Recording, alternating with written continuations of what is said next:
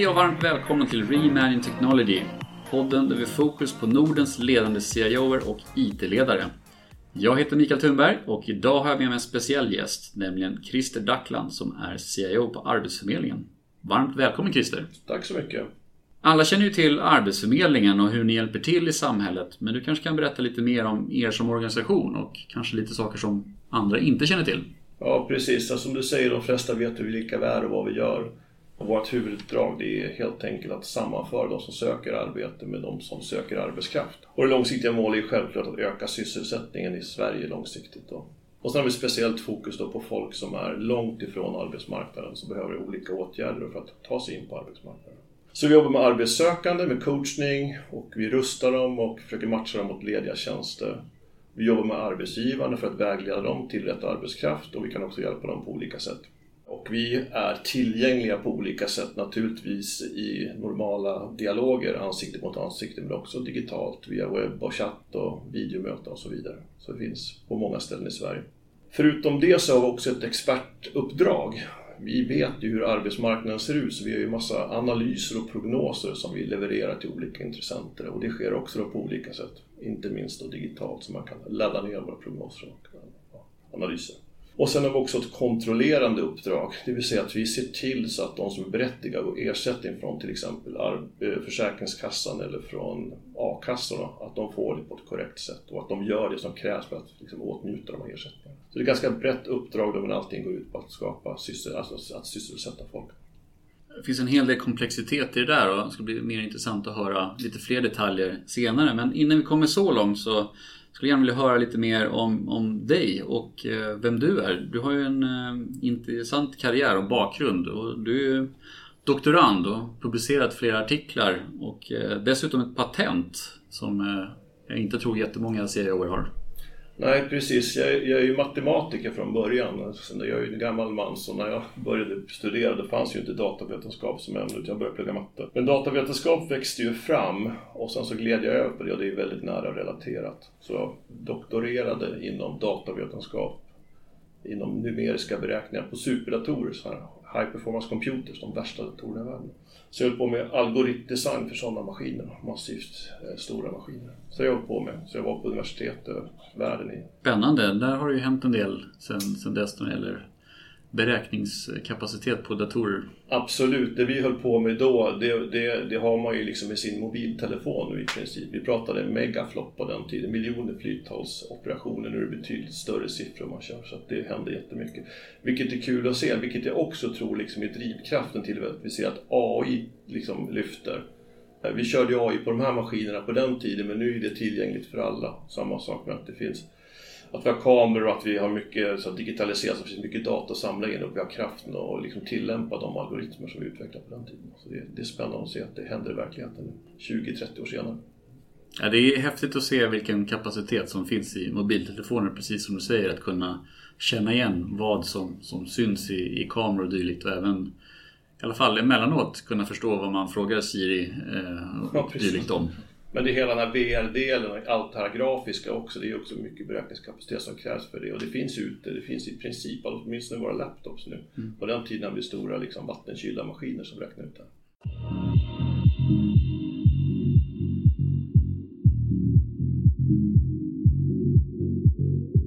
Och du som person lite grann, vad har du för personliga intressen? Ja, vad ska jag säga? Jag gillar väl att motionera lite grann som de flesta, försöka hålla mig i form. Så lyfta skrot tycker jag är kul. Eh, sen har jag en passion sen jag var ung, att jag gillar att fiska, flugfiska. Så det är lite extra när man får komma ut i fjällen och flugfiska, stå vid någon där. Sen är jag också en gammal bil, en veteranbil som jag hållit på att mecka med i 15 år utan att köra en meter. Så får vi se om jag hinner, göra, hinner få igång den innan, innan det är dags att ta adjö.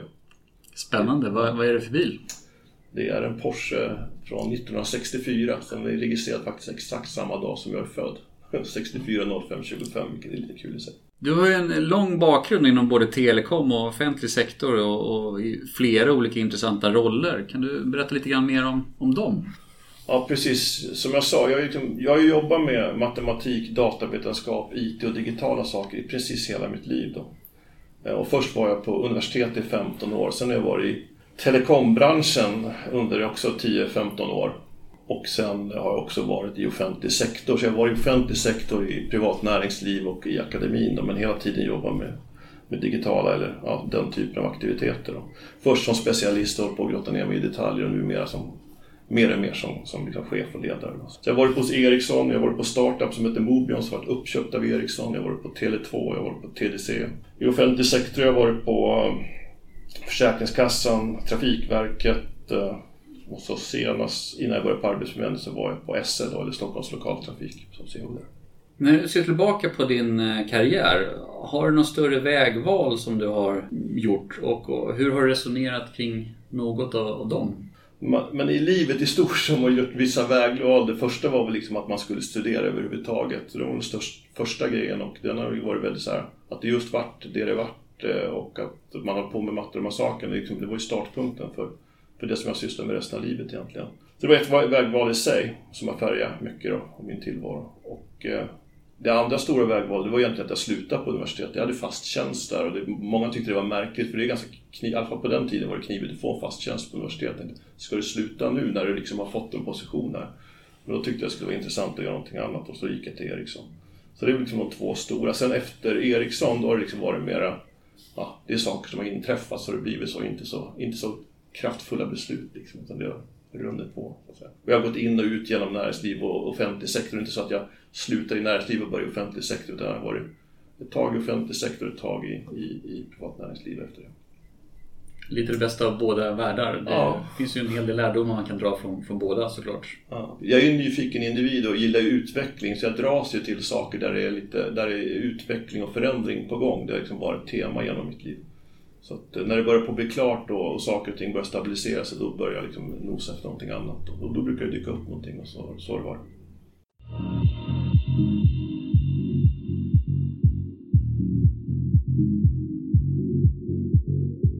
Nämna några av de lärdomar du har dragit under de här åren och vilka de skulle kunna vara? Mina lärdomar, jag, jag, jag tycker att man minns ju vissa saker. Det är ju liksom stora, stora, för mig är det de stora, när man får ur sig någonting. Jag gillar utveckling, jag vill också göra klart att få ut grejer. Och det är liksom tre stora grejer som jag tycker var roligt att få ut då.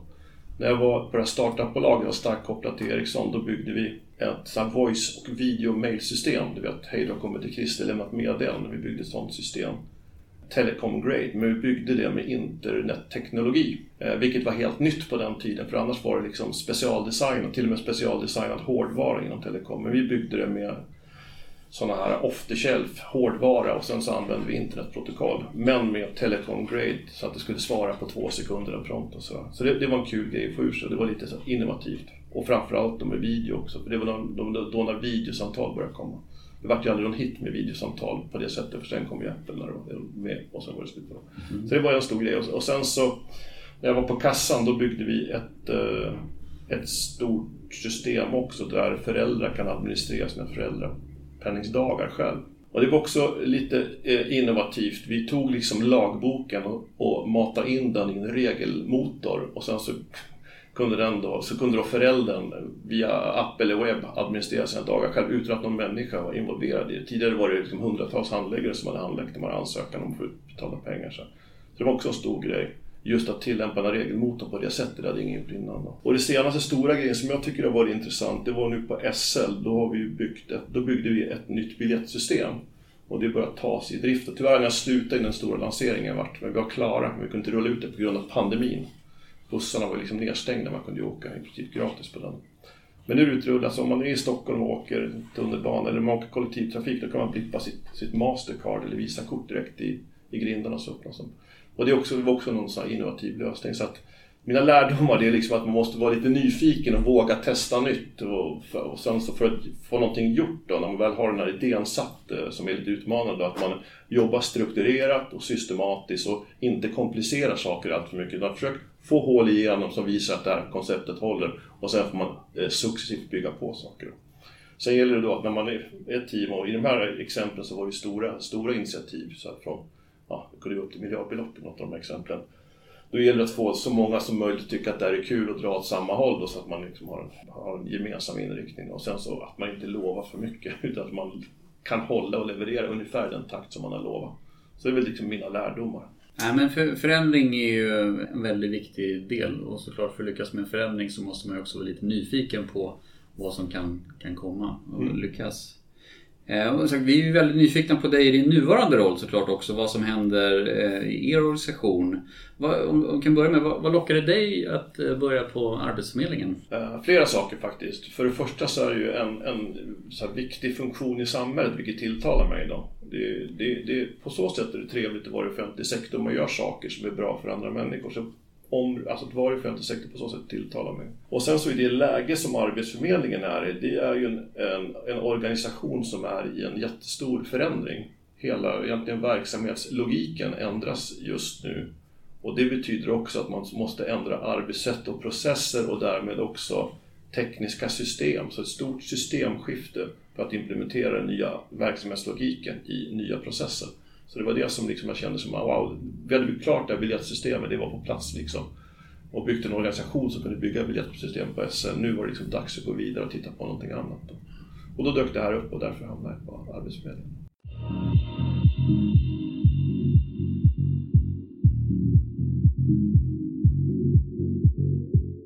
En del av ert uppdrag just att, att hitta arbetssökande och, och, nya arbeten, lite grann med, med rekryteringsbiten finns ju också även via andra digitala kanaler och andra aktörer. Och hur ser du på, på den utvecklingen? Alltså som jag sa inledningsvis, vårt uppdrag det är att öka sysselsättningsgraden över tid i, i Sverige. Och det är klart, ju fler aktörer som hjälper till med det uppdraget så det är ju bra. Och på, på, ju flera sätt bra lösningar för att Eh, ja, för att hantera den situationen, det är ju positivt. Så, så det är bara bra att, att det finns olika varianter. Och det, det, olika åtgärder behövs för olika kategorier av människor också. En del klarar sig helt själva, en del behöver mer stöd och så vidare. Corona slog ju till ganska hårt i många olika typer av branscher och det är klart de som blev drabbad, eh, drabbade allra hårdast var ju tvungna många gånger att säga upp många av sina anställda. Det antar jag skapade en, en viss omställning eller en viss eh, situation hos er. Kan du, kan du beskriva någonting mer om hur, hur den uppfattades? Ja men absolut. Eh, Arbetsförmedlingen är ju som jag sa mitt uppe i en stor eh, reformering av sin verksamhet. Samtidigt då slår pandemin till och det blir en otrolig tillströmning av arbetssökande. Då. Och eh, det kan ju vara arbetssökande som har hög kompetens men på grund av pandemin så, så försvinner jobben. Så jag tror att under pandemiåret så ökade tillströmningen av arbetssökande med ja, ungefär 40 procent. Så det var en otroligt ökad arbetsbelastning då på vår organisation som är i rörelse. Det var, det var ju en utmaning naturligtvis för oss. Och sen är det som, som, för alla andra organisationer i hela världen så måste vi också ställa om. Vi är ju inte på plats och arbetar utan vi jobbar ju på distans. Och ur ett IT-perspektiv så fick vi då försöka hitta lösningar, vilket alla IT-avdelningar i precis hela världen har jobbat med, att hitta nätverkslösningar, applikationer och arbetssätt som funkar att man jobbar på distans. Där har min erfarenhet märkt lite grann att det, är lite skillnad inom offentlig sektor och, och, näringslivet. Näringslivet har ju många gånger varit snabbare kanske att hoppa på andra lösningar som tillhandahålls av amerikanska bolag för, för just fjärrarbete eller möten på, på distans och så. Eh, hur, hur känner du, ni hade de verktyg som ni behövde för att kunna göra den här omställningen skapligt eh, snabbt och, och smidigt? Jag, jag, tycker att det hanterades väl och vi hade lösningar för distansarbete på plats just när det gäller gäller liksom att man har videomöten och videokonferensmöten och sådant. Det, det, hade vi på plats och vi kunde köra det i våra egna hallar och kunde göra det på ett, liksom ett rättssäkert sätt. Men den fråga som du lyfter, det är, en, det är en mycket större fråga egentligen, för det är hur man kan nyttja amerikanska molntjänster. Och det använder vi, vi har, jag vet inte, men vi har ju säkert 40, 50, 60 stycken olika sådana i våra, vår IT-systempark. I och med Schrems 2-domen som kom, jag tror att det var i juli för ett år sedan, då finns det inga avtal mellan Europa och USA längre vilket gör att i princip så kan amerikanska myndigheter begära ut information som ligger i de här molnen utan att vi kan göra någonting åt det. Så det är en, det är en större problematik än bara det här med distansmöten. Det är, utan det är samarbetsverktyg överhuvudtaget. Absolut, Nej, det är en väldig, väldig skillnad. Nu när vi börjar titta på att restriktionerna upphör mer och mer inom många olika länder men framförallt många olika branscher och områden så är det många som skriker efter att rekrytera fler, fler medarbetare och hitta ny kompetens. Inklusive oss själva Här sitter vi också och letar efter duktiga medarbetare. Hur, hur känner ni av den förändringen här nu? Kanske den omvända mot hur, eller den andra sidan kanske man kan säga mot hur det var för ett år sedan lite drygt. Man, man kan väl säga det att, Eh, nu är inte jag en expert på liksom arbetsmarknadsläget, men, men man kan ju säga så att det är en återgång och ett ökat sug efter arbetskraft och det finns ju områden där det är brist just nu. Så vi ser att det, det planar av och det finns stora områden där det är brist, inte minst inom IT-området och vissa andra områden också. Så det är en utmaning då för, för samhället att få fram de här typerna av kompetenser. Men vi ser också att eh, långtidsarbetslösheten, det vill säga folk som har varit arbetslösa mer än 12 månader, har ökat under pandemin. Och eh, risken finns ju att om man har varit långtidsarbetslös då är det svårt att ta sig tillbaka igen eftersom det har kommit många människor med hög kompetens, eller högre kompetens som man normalt har, så har som, som långtidsarbetslösa, så har ju de tryckt ner de som var långt ifrån arbetsmarknaden ändå längre. Så det är vår utmaning. Hur ska vi se till så att eh, mängden människor som är långtidsarbetslösa minskar över tid så att vi inte fastnar på en hög platå? För det är ju inte bra för någon. Om vi kommer tillbaka lite grann med, med, och det nämnde du tidigare med, med den här reformeringen då. Och vad har varit och vad är ert fokus just nu? Den, den omställningen som du nämnde är ju såklart väldigt eh, stor för er. Precis, för att den här reformeringen av myndigheten den går egentligen ut på att eh, Arbetsförmedlingen kommer fortfarande att vara ansvarig för att genomföra de här arbetsmarknadspolitiska åtgärderna. Men, men, men alltså själva myndighetsutövandet ligger kvar, men själva genomförandet läggs hos fristående aktörer, det vill säga kommersiella aktörer som jobbar med arbetsförmedling och andra aktiviteter för att få folk i arbete. Så det är ju en omställning att jobba på ett sådant sätt så att det är andra som utför, liksom ger händer och fötter ute i den operativa verksamheten. Och så. För att åstadkomma detta då måste ju vi då eh, ställa om oss lite grann. Tid, historiskt sett har det varit så att en arbetsförmedlare har ett antal klienter eller kunder som den hanterar, liksom en 360-vy på den och hjälper den i alla olika faser. Som det är nu så ställer vi om så att vi blir mer processorienterade. Så, så eh, vår personal kommer att jobba i delar av den här processen från att man skriver in sig som arbetssökande tills att man då är, får arbete eller går till studier eller något sånt där. Så det är en omställning i sig. Så då måste vi liksom definiera den här processen, hur den ska funka, ställa om våra personal så att den passar och kan leverera i den processen. Och så måste vi naturligtvis bygga IT-system som kan, kan så att säga, hantera den här processen. Så det är liksom vårt fokus just nu. Och, då, och sen måste vi också då sätta upp gränssnitt så att vi kan digitalt kommunicera med de fristående aktörerna på ett säkert sätt. Och att vi har kontroll på data. Vi vill ju samla in data samtidigt för att sen kunna göra ja, analyser och prognoser baserat på den datan så vi inte tappar det. Och sen så vill vi också ändå mera jobba digitalt först, det vill säga att de arbetssökande eller våra, våra kunder då kan administrera sig själva i större utsträckning. Så det är liksom processorientering och sen så bygga system för det och gå digitalt först och be de här gränserna till de fristående aktörerna.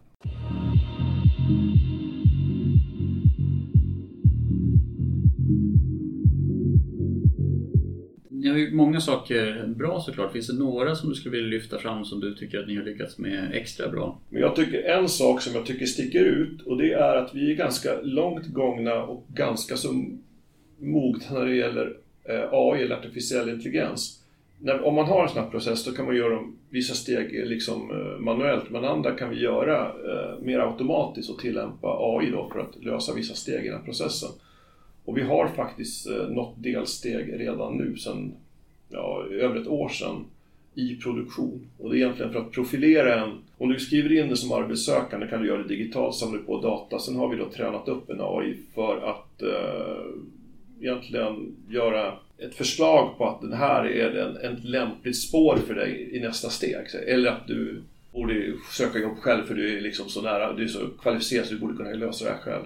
Så att den, den har vi i produktion och den fungerar väl och vi jämför också resultat med, med om man handlägger det manuellt och vi ser att den här AI är minst lika bra, i vissa fall även bättre. Så där, där tycker jag vi kommer långt och det är jättekul att få vara med och kan driva den. Det är liksom min nyfikenhet och det här är liksom lite nytt och fräscht. Det är inte så jättemånga myndigheter som har det i produktion, om ens någon.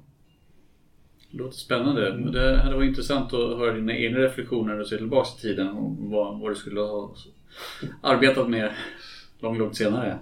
Precis. Vilka faktorer skulle du säga har varit kritiska för att lyckas med, med det här, er AI-satsning bland annat? För det första är ju den här nyfikenheten och den hade myndigheten, jag har ju bara varit där ett år, man började tidigt med AI och hade kanske inte ett specifikt att det här ska vi använda det till utan vi vill lära oss tekniken. Vi vill förstå hur det här fungerar och bygga kompetens i området. Och sen så när vi, när, man, när vi hade nått, eller de då i det fallet, hade nått en viss mognad, då, då var det läge att sätta det i produktion. Så, så, vi fick en, så den, den, att ha den friheten och, och jobba med innovation lite fritt utanför de fasta hårda leveranserna tror jag var en framgångsfaktor just i det här fallet. Hur ser ni generellt på innovation? Du har ju nämnt många av de sakerna nu med, med digitala kanaler och så vidare. Mycket som mot externa, med kunder är väldigt mycket vad vi i alla fall kallar för customer experience.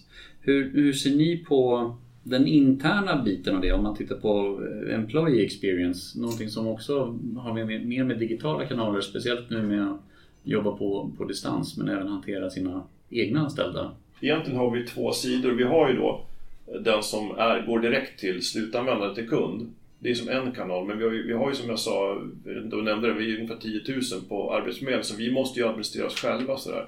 Och det är klart att där finns det jättemycket att göra. Jag, jag vill se det egentligen som samma sak, att försöka hålla ihop det. Så processmässigt är det likadant. Det är ungefär som man har en meny. Vissa saker är utgråade för de externa och eh, de är öppna för de interna. Så, så att vi kan på så sätt eh, få en, en, en förvaltningsbar lösning. Så att, eh, och också att våra slutkunder ska kunna åtnjuta samma tjänster och det de har behörighet till på samma, på samma sätt som våra interna. För det är superviktigt att man erbjuder de verktyg som behövs för de som jobbar internt. Men det är ju en utmaning i sig, den här förflyttningen. Som jag sa, det här är en förflyttning. Det är inte bara en processförflyttning, att man ska jobba på ett annat sätt, utan det är också en teknisk förflyttning. Och nu, just nu är mitt uppe i den, så att jag, om du frågar någon av våra, våra arbetsförmedlare, de som jobbar i fronten nu, så tror jag att de tycker att det är bökigt, för vi, de är tvungna att sitta i två världar. Dels den 360-världen för de saker vi inte har flyttat över än, och dels den processorienterade världen för de saker som är överflyttade. Så de får liksom dubbla, dubbla liksom interface gentemot det. Men det är ju en övergångsfas och det är en smärtsam fas. Men det, det syftar ju till att vi ska bli effektivare över tid. Mm. Så, så, ni fortsätter att jobba ganska mycket med det som du nämnde tidigare med, med processorientering och, och automatisera stora delar av de flödena för att göra det enklare och, och effektivare? Precis, det, det, och det är ju liksom våra stora fokus, att flytta från våra legacy-system med 360-orienteringen in i de här processorienterade systemen. Och de gamla systemen är mycket så här hemmautvecklade under lång tid. Det, i det nya då försöker vi jobba så mycket som möjligt med, med olika typer av standardsystem och konfigurera dem så att de passar vår tillämpning.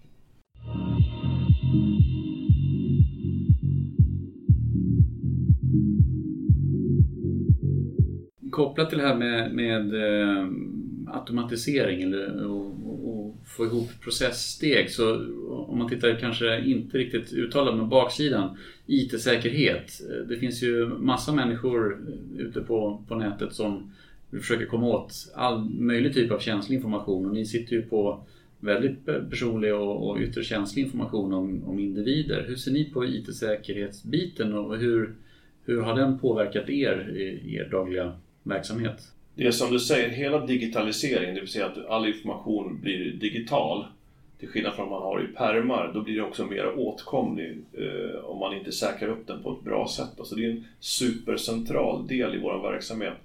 Eh, och vi har ju vidtagit åtgärder i, i vår utvecklingsprocess, om man säger så. Då har vi någonting som vi kallar för säkerhetsresan.